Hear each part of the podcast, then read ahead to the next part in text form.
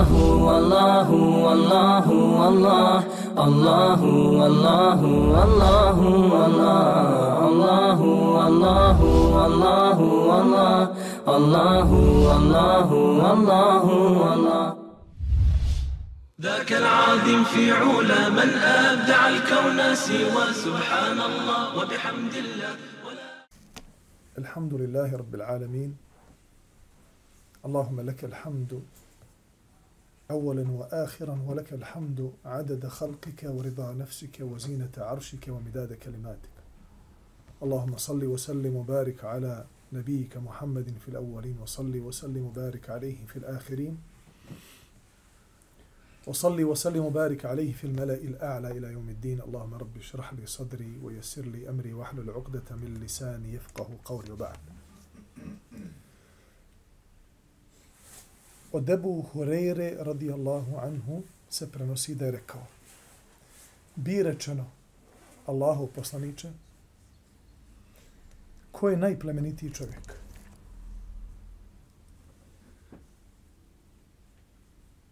Svi mi kad postavimo opće pitanje, opće pitanje, nekome, imamo nešto u glavi što želimo, tako. Ali kada, ako je opće pitanje, ako se radi o općem pitanju, znači onaj koji je upitan može da ga na više načina šta razumije. Tako da je dobro postavljeno pitanje pola, od pola odgovora. I znate u školi kad radite pismeni, da dobro svaćen, dobro svaćeno pitanje pola odgovora često učenici griješe na ispitima pismeni zato što nisu dobro shvatili šta pitanje, a ne zato što ne znaju odgovor. Zato kad pitate, pitajte lijepo, precizno, pitajte fina pitanja. A, a kada odgovarate, odgovarajte tek onda kada shvatite šta vas je želio da onaj koji pita upita. Kaže sallallahu alejhi ve sellem čim je čuo ovo odmah je rekao etqahum. Ko je najplemenitiji čovjek? Kaže najbogobojazniji. Jer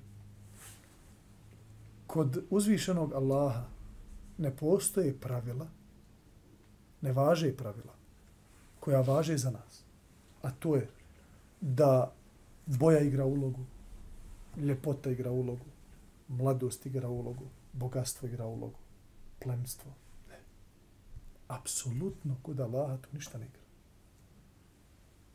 Kod Allaha se najviše vrednjuje ono što se zove bogobojaznost. Što je čovjek bogobojazni, sve kod Allaha priznati i na većem stepenu.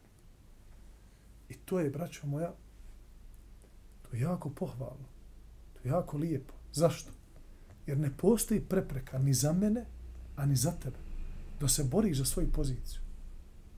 Jer kod Allaha nema onih privilegija, ono, završit će mi moj.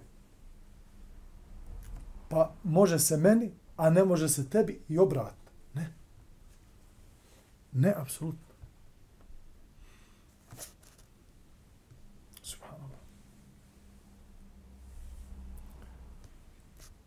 Ovo sam sanjao prije nekih 10-15 godina dok sam studirao. Ovo nije baš državu, nego je san je bio. Držim ovu knjigu i ovo me priča.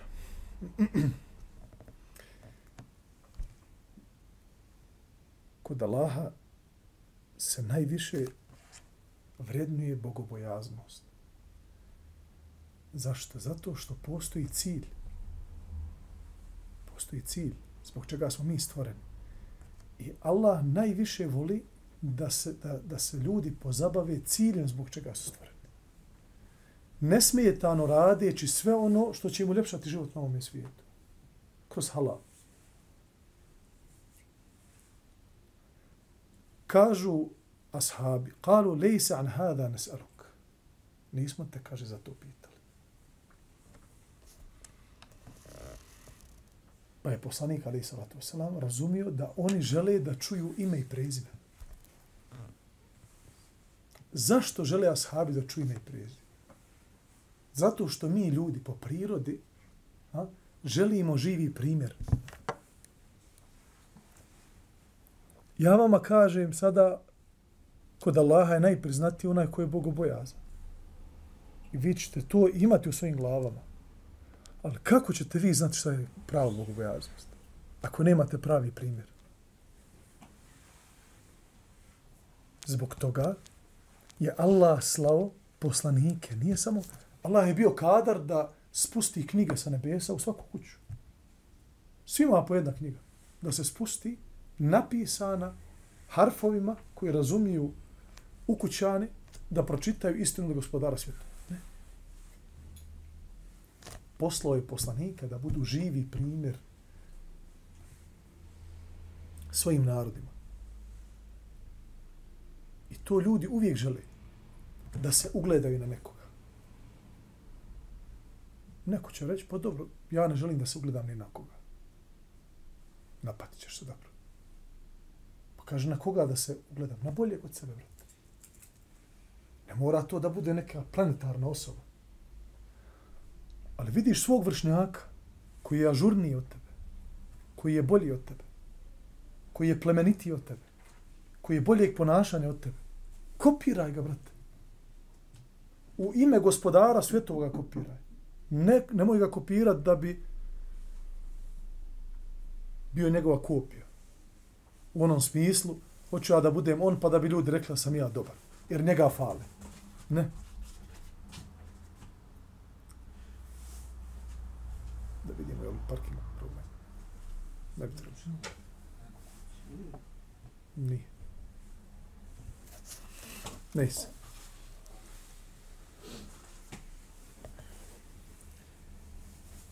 Kaže sallallahu alaihi wa sallam najplemenitije Jusuf, Allahov vjerovjesnik sin Allahovog vjerovjesnika, unuk Allahovog vjerovjesnika, pra unuk Allahovog halila, najprvženijeg Allahovog prijatelja. Kažu prisutni, nismo to o tome pitali. On tada reče, onda me pitate o najčasnijim, najuglednijim Arapima, oni koji su bili najbolji od njih u džahilijetu, najbolji su i u islamu kada se poduče propisima vjere.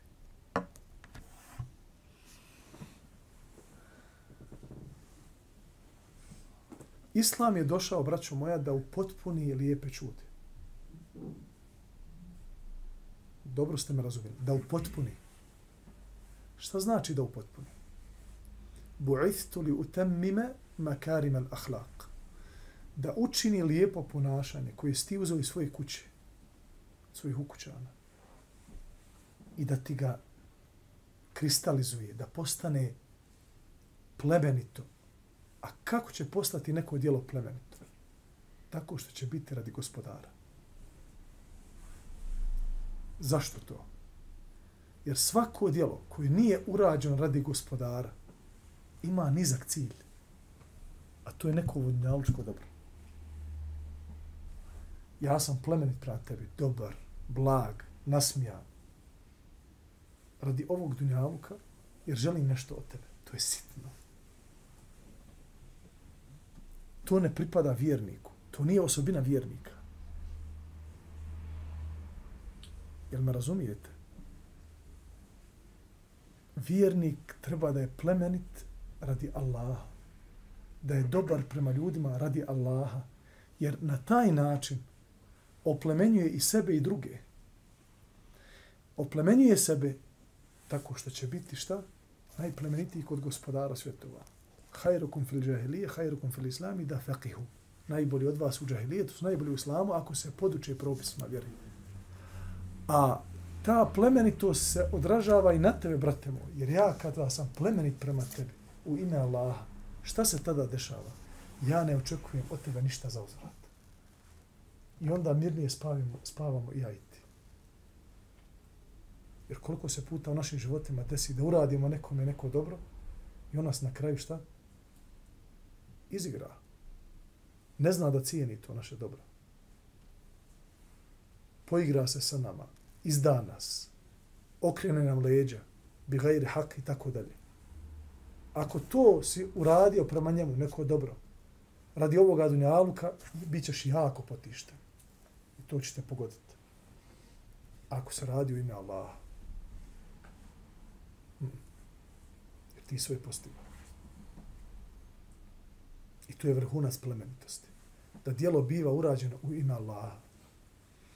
I sada kada bi ušli možda u jednu dimenziju rasprave eh, da li islam može, da li islam može, znači slušajte me dobro, da od nečovjeka napravi plemenitog čovjeka.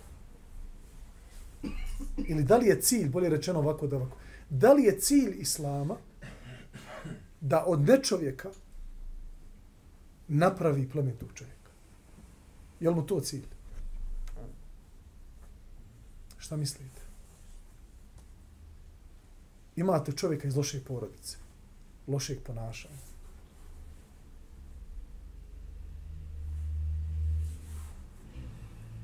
I treba islam da od njega napravi plemenitog čovjeka koji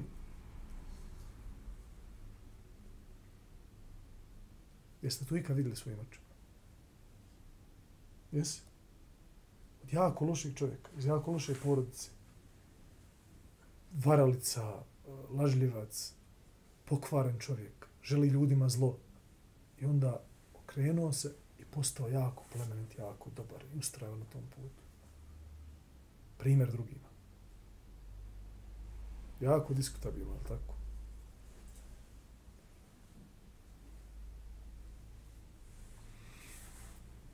Osnovni moral se, braćo moja, nosi iz svoje kuće. Ja ne kažem da islam ne može da utiče na takvi ljudi utiče i popravi ih. Ali hoće li biti prvaci? Nikad. Hoće li biti prvak? Nikad. Dobro, gdje nam je dokaz. Sad sam ga pročitao. Hijarukum fil džahilije. Najbolji od vas u džahilijetu će biti najbolji u islamu.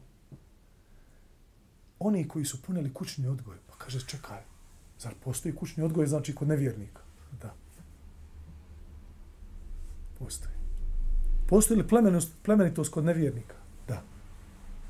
Postoje li ugošćavanje goš, gosta i pomaganje ljudi kod nevjernika? Da. Postoji li lijep ahlak kod nevjernika? Da. Pa što će nam islam? Da oplemeni njihov ahlak. Da ga uzdigne. Da ga učini da bude u ime gospodara svjetova da bi zato na, na taj način uživali ljepote ovoga svijeta i budućeg. To su Allahova pravila. La yus'alu amma yaf'alu wa hum yus'alun. Allah se ne pita zbog čega nam je spustio takva pravila. A mi ćemo biti pitani za naša djela. Allah se ne pita. Allah je pravedan. I voli svoje robove. I blag je prema nama ima svoja pravila za koja se ne pita. Mi smo njegovi robovi. Mi slijedimo i vjerujemo da slijedeći ta pravila da ćemo uživati na ovome i na budućem svijetu. Da će vam Allah dati lijepi život.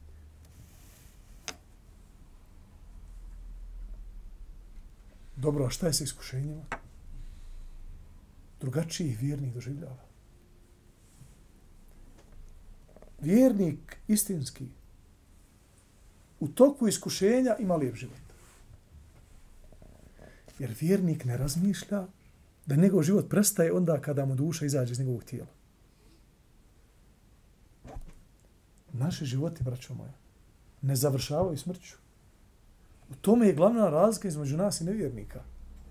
Jer oni poimaju da onog trenutka kada im, se, kada im stane srce i zatvore oči, stane mozak, i tijelo, funkcija tijela, da je to to. I onda oni s pravom, jer ne znaju, kažu, pa vidi ga vjernik bio, napatio se u životu, imao je razna iskušenja i na tom iskušenju preselio. Ka, kakva je to vjera? Kakva je to pravno? Ali oni ne znaju da život ne prestaje sa izlaskom duše iz tijela. Nikako čak pravi život tek počinje tada. Jer tada ćeš da vidiš istinu svojim očima. Što kaže?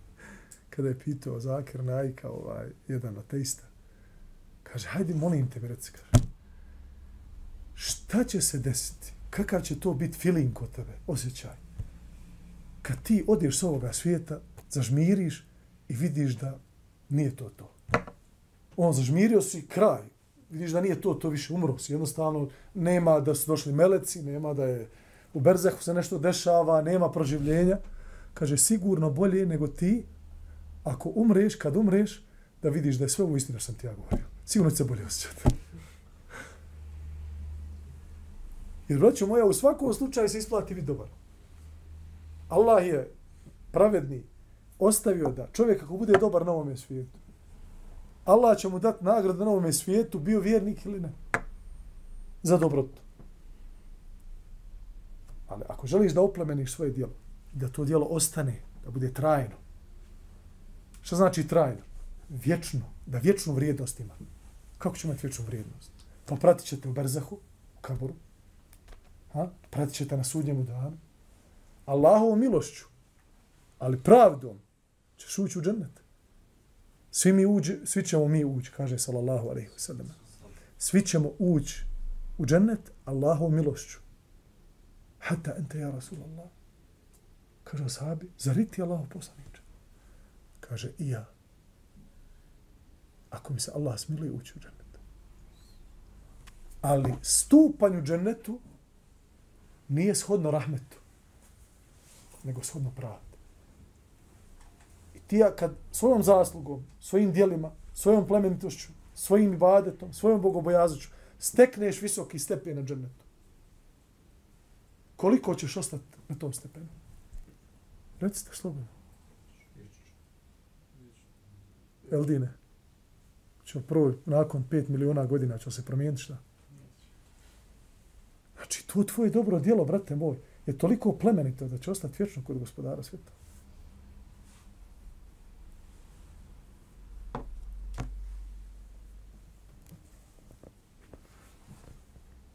Što znači da prvak u islamu, onaj na koga se ljudi ugledaju, onaj koji je među ljudima najbolji, je onaj koji je ponio iz svoje kuće, šta? Fin ahlak. Moral. Plemenitost. Iskrenost. Pa kaže kako? Tako što je vidio svoje roditelje da to isto radi. Zato se gleda iz koje se kuće zadovodi, dovodi. Iz koje se kuće snaha dovodi. Tako. Prije se to mnogo, mnogo gledalo. Iz kojih razloga? Zato što dijete je najvjerovatnije mala kopija svojih roditelja. To je Boži zakon. Kaže, ne, nemojte me poročno shvatiti. Ja ne pričam o tome da čovjek iz loše familije ne može biti dobar, ne može biti musliman, neće ući u Ja, ja nemam pravo da pričam o tome. Ali, brat se pokajao, sestra se pokajala. Kakva je familija? Katastrofa. Niko ni za koga ne zna. Pokidan rodbinske veze. Gdje mogu koga da zakinu, zakinu. Znači, show. Hoćeš da dneš u tu kuću svoju kćer? Jer sin je pokajao se. Sin se promijenio. Sačka je 20 godina. Ljudi koji su iskusni od nas su vidjeli svojim očima kako djevojka koja ima, na primjer, 18 godina, 20 godina, riješila se tih svojih onaj e, ukućana i riješila se tih običaja njihovi i promijenila sistem života. On prođe 10, 15, 20 godina, vrati se na ovome čemu je bila njena majka. Kopira svoju majku riječima. Ponovo nakon određenog perioda. Jer postoji jedan period života kada smo mi jako udaljeni od svojih roditelja sa svojim ponašanjem, sa svojim načinom obhođenja. To Allah dadne da bi postali mi samonosivi. Jer jako je nezahvalno da čovjek cijeli život u svoje roditelje, roditelje na način da ne želi da se odvoji, da postane ličnost koja je samonosiva. Jer onda kako ćeš, kako ćeš porod sasnovati? Kako ćeš, kako ćeš onaj proširiti to svoje pleme? Kako ćeš dobiti djecu? Pa Allah dadne u tom jednom periodu, znaš, sa 16, 17, 18 godina do 20, pa šta zna moj baba, šta zna moja majka. Ajde. Ja sam sve sada dokučio. Što se dokučit može. A oni su zastarili. I ti dođeš 40. godine, kažeš, subhanallah, sve što ono moj babo priča, sve ono što je moja majka, pa to je to. Pa gdje si bio ovih 20 godina u luftu nekom, jel? Nije do mene. Sve što se čovjek prije dozove iz tog lufta, ako ga možemo tako nazvati, sve je bolje za njega.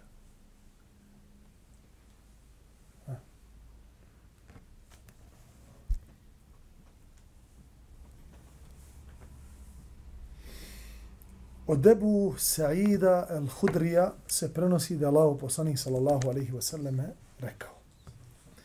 Zaista je ovaj svijet sladak i privlačan. I Allah vas je postavio kao namjesnika na njemu samo, samo da bi vidio kako ćete postupati. Zato čuvajte se Dunjaluka i čuvajte se žena. Jer je prvo iskušenje među Benu Israelčanima bilo zbog žena. Ovaj hadis bilježi imam muslim.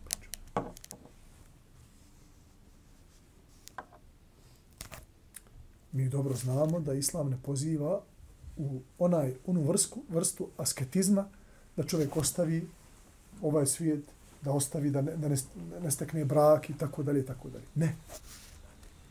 Ali šta čovjeka odvede od pravoga puta? Najčešće ili novac ili žene. novac ili žena. To je najčešće što čovjeka šta? Skrene sa putanje, makar ispoznao pravi put. Jer ovdje je došlo upozorenje. A ovo upozorenje nije, nije tek tako došlo. Upravo ove dvije stvari, braću. Imate primjer čovjeka koji je bio, hajde da kažemo, osrednjeg bogatstva na način da imao šta da jede, da imao da plati kiriju, da prevoz, da, da se preveze iz jednog mjesta u drugi i tako dalje. I hranio tako svoju porodicu. Maša Allah te rahman.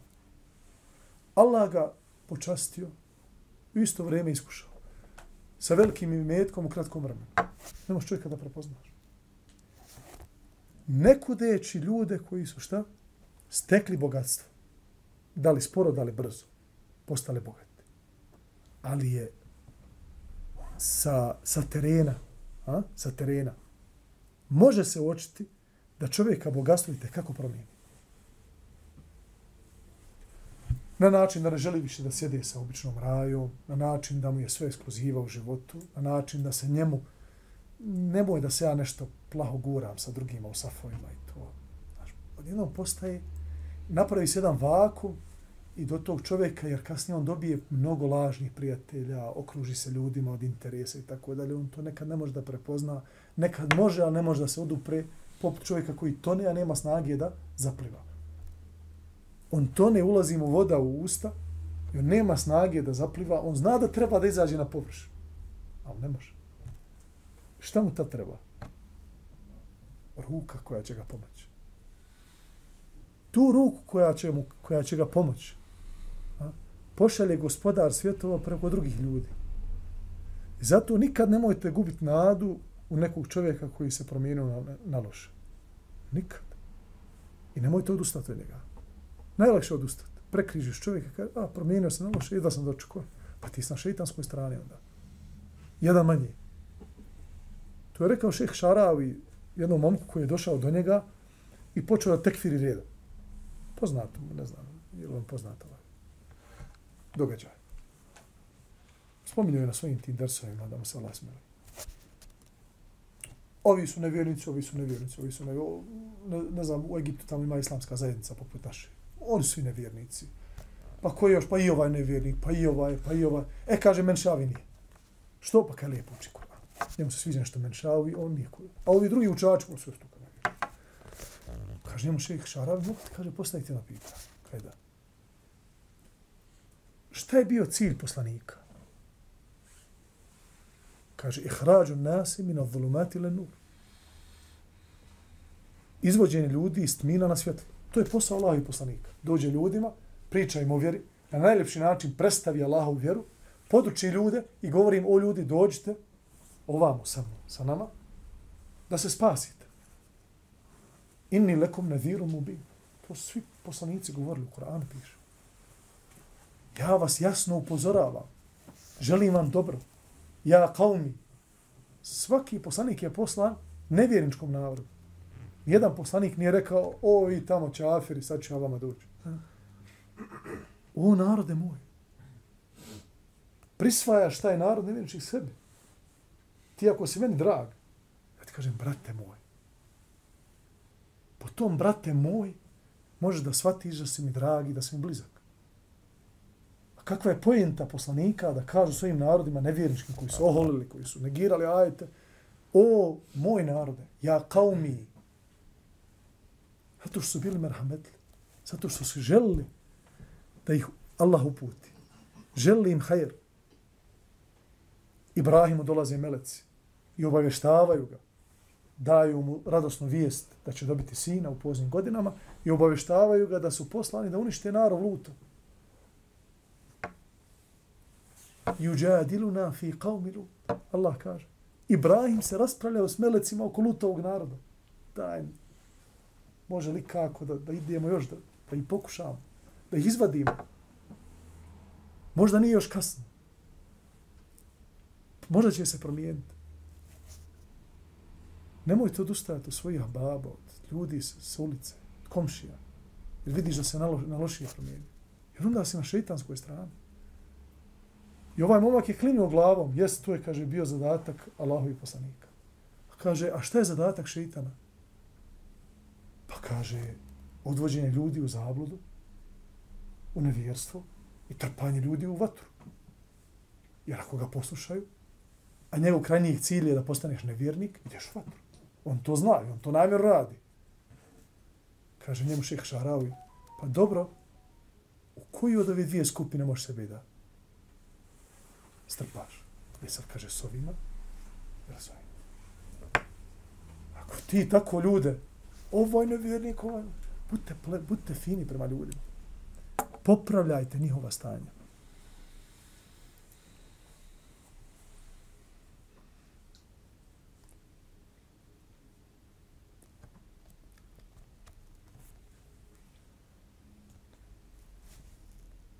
čuvajte se dunjaluka i čuvajte se žena. Prvo sa čime su iskušani Benu Israelčani, sinovi Israilova, Israela su bile žene. One su bile razlogom, šta? Da se pokvare, da se promijene. Dunjaluk. Pa kaže, dobro, ali gdje nam je, kako da se promijenimo? Kako da se iščupamo? Kako da? Brate moj, okreni se Allahu. Fafirru ila Allah. Pribjegnite Allahu, kaže Allah u Kur'an. To je jedino bježanje koje je pohvalno, braću. Čovjek musliman treba da bude hrabar. Bježanje sa bojnog polja. Jako, jako onaj mm, nezahvalna osobina. Inače, far znači bježati, pobjeći. Jedino bježanje ha, koje je Allahu drago i milo je da pobjegneš prema njemu, ka njemu. Fafirru ila Allah. Pobjegnite Allah. Ustani, brat. Traži od njega. Postoji dova koji je često poslanik sallallahu alejhi ve sellem učio. A dove su nam, braćo moja, pokazatelj.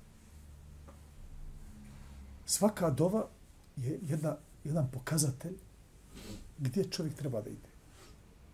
Ali ne možeš da ideš bez Allahove pomoći. Ti i ja, mi smo jako slabi. Osim sa Allahom. La haula wa la kuvata illa billah znači da ne postoji nikakva snaga, nikakva volja, nikakva tranzicija iz jednog stanja u drugo, osim sa Allahom. Ako je tako, onda njemu pobjegni i njega pitaj da te učvrsti, da te sačuva. Allahumma habib ilajna al-imana wa zayyinhu fi qulubina. Allahu naš. Kako sam rekao? Allahumma habib ilajna al-iman. Allahu moj Daj nam da zavolimo iman i ukrasi ga u našim srcima. وكره إلينا الكفر والفسوق والعصيان a daj nam da preziremo nevjerstvo, griješnost i neposlušnost.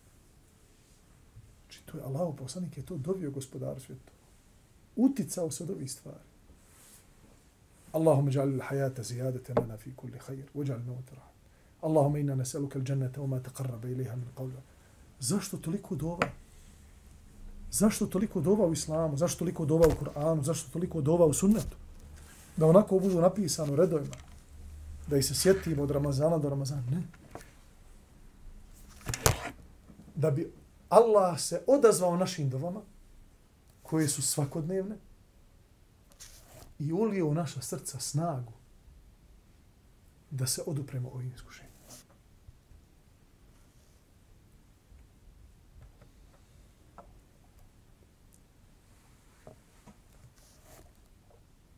Na sljedećoj stranici ovoga hadisa o upozorenju o upozorenju Allahov poslanika na varku Dunjaluka njegovo veliko iskušenje i na zavaravanje čovjeka da žene ne mogu da ga zavedu sa pravoga puta. Na sljedećem hadisu Ibn Mesuda odgovor na ovo sve što sam vam malo prije rekao od Ibn Mesuda se prenosi, radijallahu anhu, da je sallallahu alaihi wa sallam rekao, a imam nevevi, kao islamski učenjak, odgajate, kada je napisao u knjigu, napisao je takvim redoslijedom da odgaja ljudsko srce. Ovo nije samo nabacani hadis, ono, ovaj hadis nam, aha, sjetio sam se ovoga hadisa napisan. Ne bi ovo, brać moja, nakon Kur'ana bila najčitanija knjiga pod nebeskim svodom, bez razloga i prevedena na najviše jezika svjetskih nakon Kur'ana. Allahumma inna nas'aluka al-huda wat-tuqa wal-afafa wal-ghina. Problem sa dunjalkom, problem sa ženama, problem sa grijesima, gdje je izlaz? Imam nevevi, hoćemo da nas, hoćemo da nas podučiš, jer čitamo tvoju knjigu podučava se na način da se obratimo gospodaru svjetova kad kaže Allahu, ja te molim da mi podariš pravu uputu. Istinsku bogobojaznost, čednost i neovisnost od tvojih robova. Kada si čedan i bogobojazan, ove dvije osobine, od čega trebaju da te čuvaju? Ne, ne, ne, ne. Vraćamo se na hadis od, od Ebu Sa'id al-Hudrija. Žena. Dobro. A ako imaš kod sebe uputu i neovisnost, od čega treba da te čuva? Neovisno drugi ljudi. Od dunjaluka. U hadisu spomenuto, rastavljeno, znači razdvojena dva pojma ittaku dunja wa ittaku nisa. Hadis je kod muslima. Čuvajte se dunjaluka i žena. Dva različita pojma. Nakon toga, kako ćemo da se čuvamo? Pa ne možemo, pa slabi smo. Jesmo mi slabi. Mi jesmo slabi. Ali smo jaki kad je Allah sa nama. Kad će Allah biti sa nama? Allah se prema tebi obhodi onako kako ti misliš u svom gospodaru kaže Allah, Allahu poslanik, prenoseći u kuci hadisu od Allaha Đalešanuhu, kuci hadis, ene inda vanni abdi bi, kaže Allah subhanahu wa ta'ala, ja sam prema svome robu onako kako on misli o meni. Feli jadun bi je hajera, neka o meni fino misli. Ako, ako si ti daleko od Allaha, ako se ti okrenuo, ako ti ne dobiš, ako si nemaran, ako si ih zaboravio, ako hodaš po ovome svijetu misleći da si neovisan, ha? zavaravaš se, onda ćeš biti prepušten sam sebi. Sura Al-Hašr, nesu Allahe fe nesio. Allaha su zaboravili, pa je on na njih zaboravio. Evo vam. I onda dođeš do momenta da kažeš ja nemam snage da se odobrim. Moram, moram podmititi. Moram uzeti. Jer mi nije dovoljno za život. Hoću da budem koruptivan. Znam da je grije, ali ne mogu da se odobri. Nemam snage. Jeste, nemaš snage. Ali ima izlaz. Dova. Allah preko dove a, zna tvoj namjer. Gdje ćeš dobiti na Facebooku, jel? Neće, meleci naminaju na dove na Facebooku, braću. Ovo vam ja odgovorno tvrdim. Svaku dovu koju vi napišete, ili ja, na Facebooku, meleci ne kažu amin, ve jak. Možda kaže neko, ali većinom tipkaju ono, amin, napišeš, ne znam, nija gore, hajrli smo, došli iz Tuzle u Sarajevo, dol 20 puta amin. Što rekao, 20 puta? I uopšte dova je. Hajrli smo, stigli iz Tuzle u Sarajevo. Amin, amin, amin. Ok. Nisam razumio, ali meleci aminaju meleci aminaju u tajnosti. Jer jedi e, dova koja je u tajnosti, ona, je, ona ne može da nije iskrena. Kako će biti neiskrena dova? U četiri ujutru ustaneš, padneš na seždu gospodaru svjetova i kažeš gospodar, Allahume inni nes es'eluke al huda wa tuqa wa afafu wa ghina. I ponoviš to 15 puta, kažeš gospodar, daj mi snage, daj mi neovisnost, hoću da se iščupam iz dunjaličkih problema. Gospodar voli da mu dobijemo. I cilj dova je da ih upotrebimo kako bi nam se Allah odazvao. Nije cilj dova da bi ti dovio pa da ti Allah kaže ne, ne može. To nije cilj dova. Allah je plemen. Nemojte to nikad zaboraviti. Cilj je dove da ti pomogne. Ne dova kao dova, nego dovom da dođeš do, da se umiliš svome gospodaru, pa da ti dadne snagu. I onda ti jedno jutro osvaneš, subhanallah, šta je ovo? Ono što mi je dojuče bilo mrsko, od dobra, od hajra, od ibadeta, od plemenitosti, od ponašanja, od ostavljanja grijeha, danas mi je jako lako. Šta se desilo? Kun fe kun. Budi ono bude. Allah odlučio da ti promijeni tvoje stanje. Ja muhawil al-ahwan, hawil halena ila ahsan al-hal. O ti koji mijenjaš ljudske, ljudske halove, stanja, promijeni naše stanje u najbolje stanje. Ja mu kalib al kulub, sebit kulubena ala din. O ti koji okrećeš ljudska srca, učvrsti naše srce u islamu. Braćo moja, dova. Dova. Dova mijenja šta? Recite slobodno. Slobodno recite. Pogriješite. Tu smo da naučimo.